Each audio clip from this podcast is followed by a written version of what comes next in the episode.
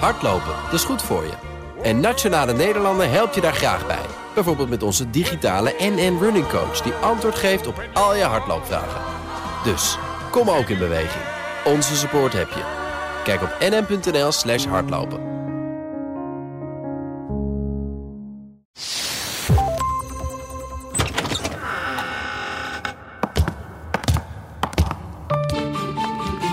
Project Binnenhof. Met Sophie van Leeuwen en Laurens Boven.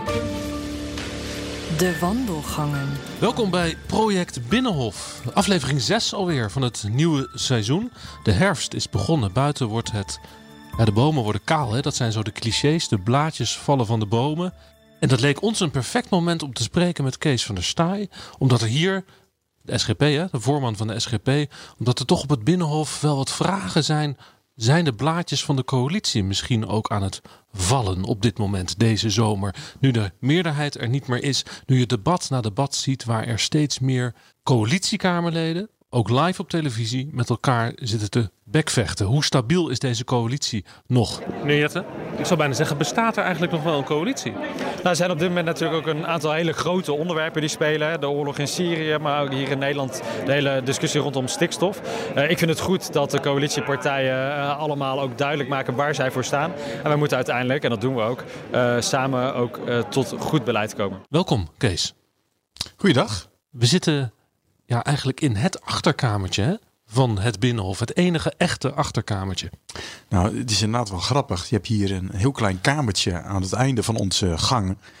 En uh, dat, dat is uh, een beetje achteraf, uh, een beetje naar buiten toe. Dus het is echt, nou, als er een echte achterkamer zou bestaan, dan zou deze er voor een aanmerking komen. Deze kamer heet de Gerrit Kastijnkamer. Hij is helemaal vierkant. aan twee kanten ramen naar buiten. Aan de ene kant kijk je zo langs de ridderzaal richting de Haagse toren. En door het andere raampje kijk je eigenlijk tussen een boom door op de deur van het ministerie van Algemene Zaken. Hè? De, de ingang van, van de premier. Ja, klopt. Sta je hier wel eens om te kijken? Zo, wie komt er allemaal langs bij, uh, bij Rutte? Nee, dat zou, dat zou wel spannend zijn. Eens even een beetje zo hier een hele andere blik op wat er in Haag gebeurt. Maar ja. Uh, op dat idee ben ik nog niet gekomen. Maar wie weet gaat het wel gebeuren nu. Deze kamer heet de Gerrit Kastijnkamer. Genoemd naar Gerrit Kastijn. Dat was een verzetstrijder in de Tweede Wereldoorlog.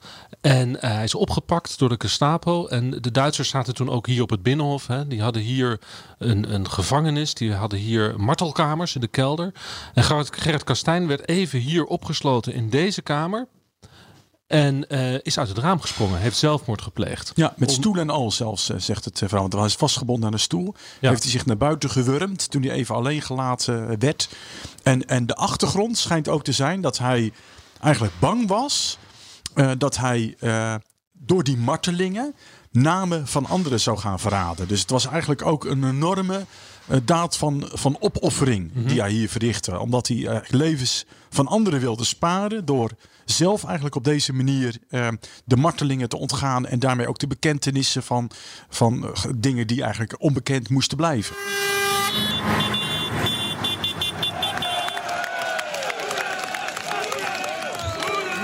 kabinet heeft net dat zeteltje verloren. Uh, er zijn enorme boerenprotesten op het Malieveld deze week. Uw achterban. Wij hebben, dat zeg ik altijd, het mooiste werk van de wereld. Dus wie zou nou dat werk opgeven om de hele dag op je reet in de Kamer te gaan zitten? Is dat voor jou een, een spagaatcase? Steun voor het kabinet? Of, en dan nu, ja, die boeren, die pikken het niet meer. Nee, ik ervaar dat zeker niet als een spagaat. Ten eerste omdat wij altijd heel vrij tegenover het kabinet staan. We hebben op geen enkele manier ooit uh, met dit kabinet een afspraak gemaakt van nou, jullie moeten wel dit of dit steunen en uh, in ruil voor zus of zo. Altijd de, de gedoogpartner geweest van, van Rutte, waar we zo op uitkijken. U offert zich ook een beetje op natuurlijk voor de stabiliteit van dit land. Uh, dat valt me op dat mensen dat wel eens denken, ook nu hè, als het een beetje spannend wordt van oh, dit is een zetel minder. Nou, dan gaat Rutte zeker gelijk bellen met mensen van wat kan jij hierin betekenen of wat kan jij daarin betekenen? Maar dat is eigenlijk het echte politieke spel is veel subtieler. Dat gaat zo niet op die manier. Hoe gaat het dan? Uh, dus veel meer uh, dan dat zo'n kabinet denkt van nou, weet je, een aantal dingen eh, waar wij, uh, waar we echt geen enkele steun voor hadden buiten de coalitie. Dat hebben we als een haast geregeld. Neem bijvoorbeeld de afschaffing van het referendum. Daar was uiteindelijk niemand tevreden over hoe dat ging. Behalve de coalitie die in het regeerakkoord had staan. Uh, wij zijn geen voorstander van een referendum, maar vonden die hele onverhoedse afschaffing ook weer ongelukkig. Zijn. Dan moet je daar meer de tijd voor nemen en moet je het op een nette manier afhechten. Ehm, dus toen had je alleen maar met de stemmen van de coalitie in Tweede en Eerste Kamer, is het er wel doorheen gekomen. Uh, dus die dingen zijn eigenlijk al heel snel geregeld. Maar nu hebben ze eigenlijk vooral wetten waar best wel wat bredere steun voor is. Want ze zagen het al aankomen, de Eerste Kamer, dan raken we de meerderheid kwijt als je niet oppast. En dat, het gebeurde mm. zo. Uh, dus, en dan is eigenlijk de kunst, en zo zeggen kabinet, die gaat zich helemaal natuurlijk niet uitleveren aan één bepaalde partij. Die gaat zeggen, nou, op links, uh, milieumaatregel, kunnen we PvdA of GroenLinks daar niet interesseren. Uh, maar nu hebben we een beetje iets op migratie wat wat strenger is. Nou, dan moeten we eens even kijken richting rechts of dat gaat lukken. Oké, maar de, het kabinet heeft de meerderheid niet meer. We hebben dat debat gezien van de week. Waarin Van Haga, dat ex-VVD-Kamerlid, wel degelijk heeft gezegd dat hij het kabinet blijft steunen. Maar zeker is het niet. Het kabinet moet natuurlijk wel zekerheid hebben als ze wetsvoorstellen indienen dat het goed komt. Ja. Um, dus, dus ze moeten praten met mensen. Ja, maar ze zullen allereerst... Er is een verhaal bekend van, van uit Rutte 1 of 2 geloof ik. Dat, dat, dat Rutte was in Zeeland. En die had daar een kistje uien of zo. Uh, appelen. Appelen. En dat was een boer, uh, die was eigenlijk van de SGP. En, en, en hij had het kistje appelen voor jou meegenomen. En, en dat gebruikt hij heel vaak. En dat, dat verhaal gaat hier rond als een voorbeeld van hoe hij dus eigenlijk contact zoekt op zo'n moment met, met de SGP. Is dat het subtiele wat je bedoelt? Nou ja, dit, dit is, het, is, het is een grappig voorbeeld. Maar eerlijk gezegd denk ik, als hij op werkbezoek ging bij een uh, boer... en die bleek SGP-sympathieën te hebben... en die zegt, hier heb je nog een aardigheidje, maar neem ook wat mee voor mij. Dat zou best in een hele andere politieke situatie ook gekund hebben. Mm -hmm. Wat meer het punt is, wat wel echt hier de werkelijkheid is... is een minister, staatssecretaris, die komt met een wetsvoorstel. En die denkt van ja, wacht eens even. Dit staat in het regeerakkoord. Dus de coalitie gaat er wel mee akkoord.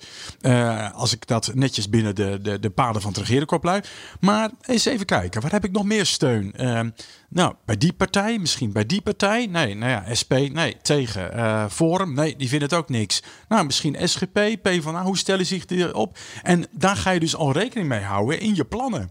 Dat je al denkt van, hé, hey, hoe kan ik het eigenlijk zo vormgeven dat er al breder ook steun Zonder voor dat ze per se hoeft te bellen. Zonder dat ze per se hoeft te bellen. Kijk, en wordt het dan zo daar hoor je nu deze dagen ook wel wat over. Bij zo'n CETA-verdrag, uh, dan zou het wel wat, wat, wat spannender kunnen worden. Want dat loopt al. Um, en en um, in het verleden leek er wel steun voor te zijn. Nu is dat echt heel krap.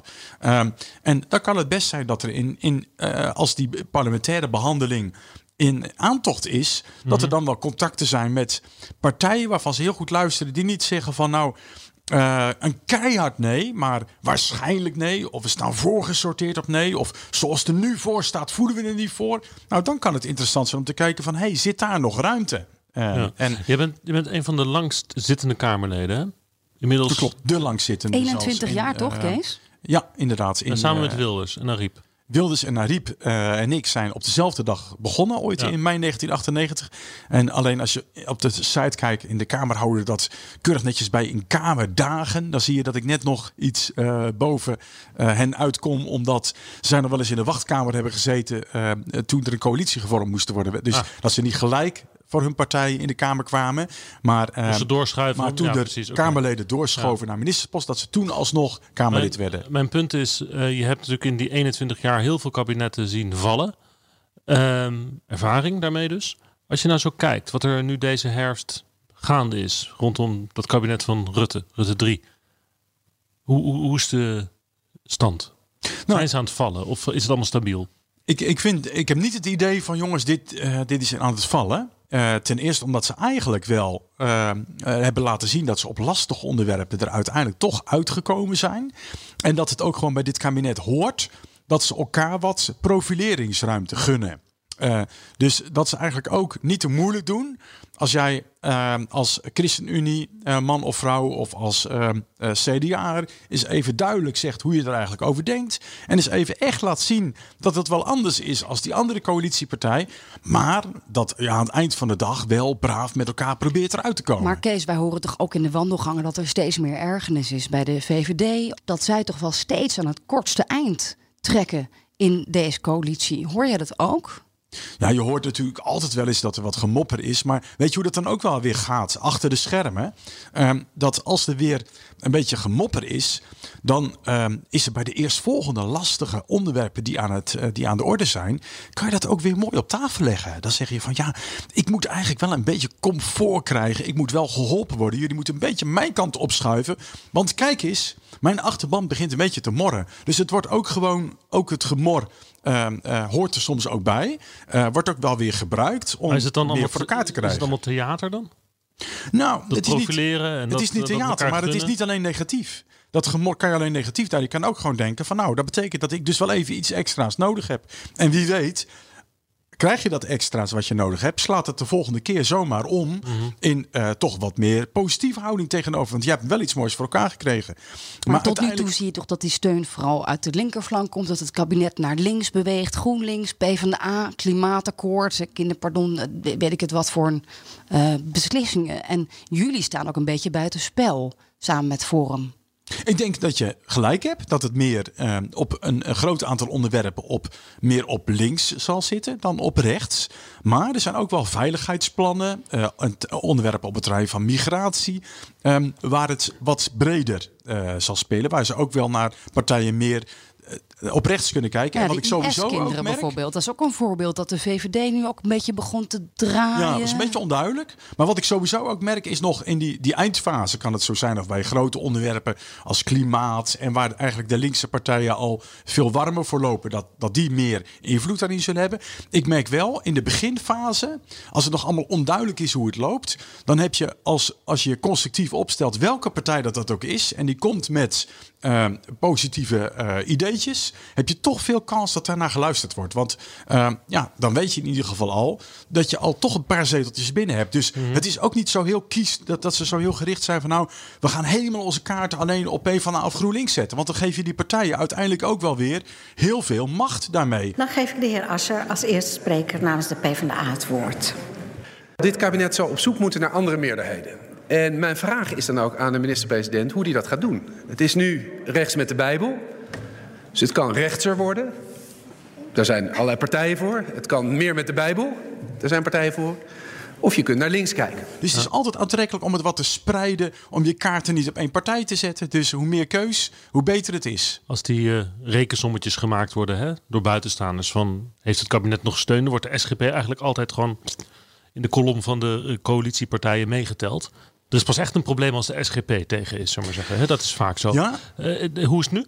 Dat is, maar weet je waar dat ook mee te maken heeft? Er is een verschil tussen heb je het over wetsvoorstellen of moties of mm amendementen. Dan is het eigenlijk, dan maakt het allemaal niet zoveel uit. Dan is het de ene keer die partij, de andere keer. Maar hoe staan jullie erin? Staan, jullie, zijn jullie nog steeds zo'n stille steunpilaar? Nou, in die zin uh, uh, zijn wij nog steeds een stille steunpilaar voor uh, eigenlijk bijna elk kabinet op het moment dat het aankomt. En daar, uh, geloof me dat daar achter de schermen best wel even achter de oren gekrapt wordt. Als het gaat om moties van wantrouwen. Mhm. Want er kunnen zomaar ineens partijen heel opportunistisch zeggen. hey, er is een motie van wantrouwen. Als we allemaal meegaan, is het kabinet weg. Hebben we verkiezingen. Dan komen de kansen voor ons. En zo zitten jullie niet in de wedstrijd. Dat is, en men weet van ons dat wij daar eigenlijk vrij voorspelbaar in zijn dat wij hoge eisen stellen aan moties van wantrouwen. En dat wij zeggen van uh, wij zullen de, de plannen van het kabinet niet op voorhand steunen. Dus in die zin zijn wij niet een soort van automatische steun in de rug. Maar wij zijn wel betrouwbaar in een constructieve opstelling. En wij zijn er niet op uit om dit kabinet ten val te brengen. Jullie hebben één keer een motie van wantrouwen ingediend. Uh, uh, 15 jaar geleden zo'n beetje. En vrij recent een motie van afkeuring. Die, ging, die, die, die laatste vind ik heel spannend. Die ging over het voltooid leven. Ja, klopt. Uh, vorige kabinet. Um, en de boodschap is eigenlijk: als het kabinet op deze weg doorgaat, dan kunnen wij dit kabinet niet meer steunen.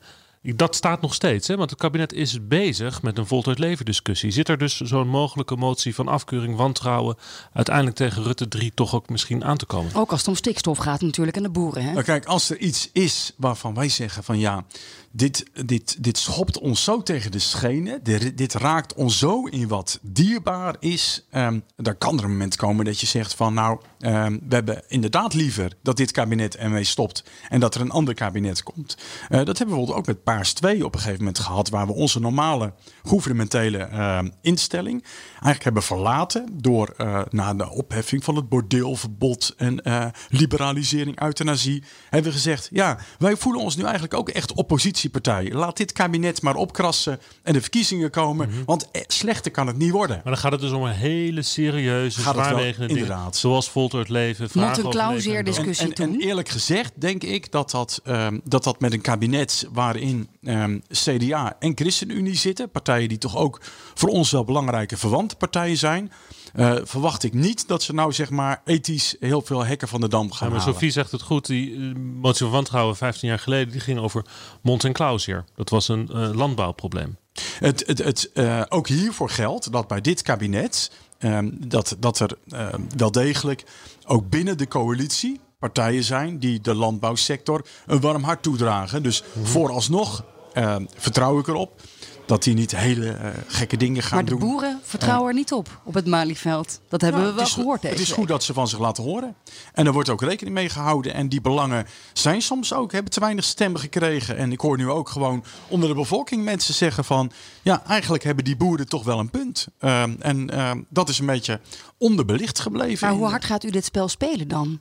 Als ja, toch oppositie, fractievoorzitter. Nou, wat wij gaan doen is ook vanavond bij het stikstofdebat en bij, bij verdere wetgeving gewoon vooral heel hard ons best doen voor fatsoenlijke wetgeving. Kijk, we kunnen wel heel stoer roepen uh, van uh, het kabinet moet helemaal niks doen en het kabinet moet uh, alle maatregelen maar achterwege laten.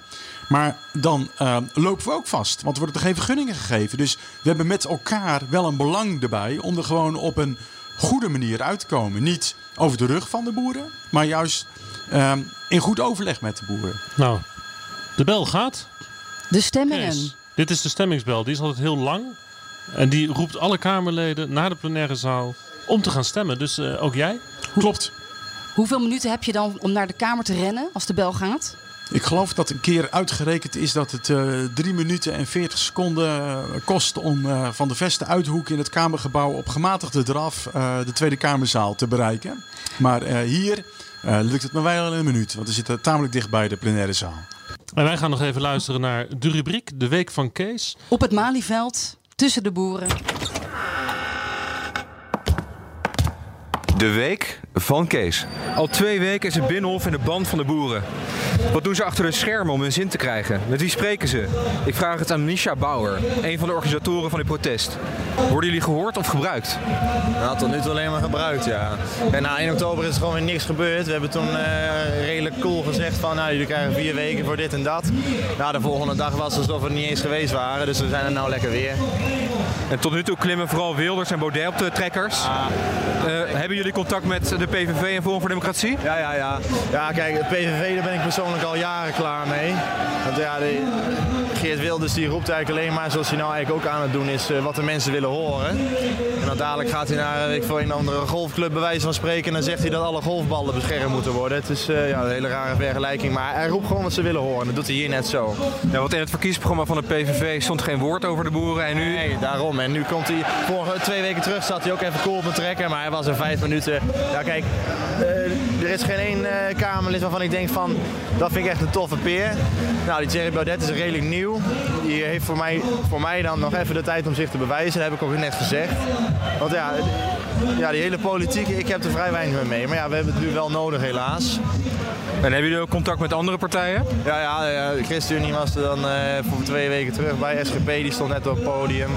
Uh, ja, van het CDA zat er twee weken terug iemand op het podium. Dus, uh, ja, maar dat moeten we ook wel hebben, want dat zijn wel je ingangen om iets gedaan te krijgen. Wat, organiseren jullie alleen protest of komen jullie ook op bezoek in de Tweede Kamer? Nou, we hebben net toevallig afspraken gemaakt met de SGP en met de uh, Forum van Democratie om over twee weken op gesprek te komen. Ja. En lukt het een beetje om ze te overtuigen? Oh ja, ja die mensen wel. Ja, kijk, die zijn allemaal redelijk kleine partijen, hè, dus die kunnen wel zeggen van we willen dit, we willen dat, maar het moet ook haalbaar zijn. En uh, ja, als het om uh, de veehouderij gaat, dan uh, is er toch vrij weinig draagvlak voor in de Kamer op het moment.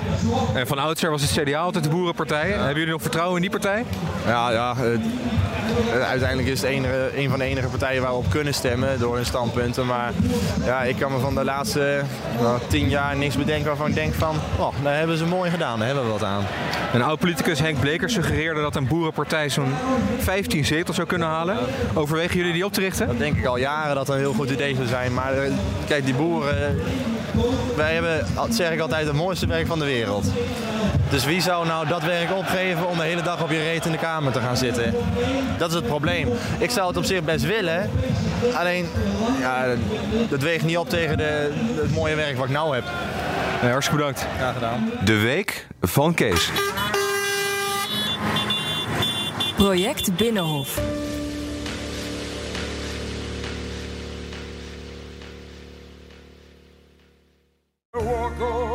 Hardlopen, dat is goed voor je. En Nationale Nederlanden helpt je daar graag bij. Bijvoorbeeld met onze digitale NN Running Coach... die antwoord geeft op al je hardloopvragen. Dus, kom ook in beweging. Onze support heb je. Kijk op nn.nl slash hardlopen.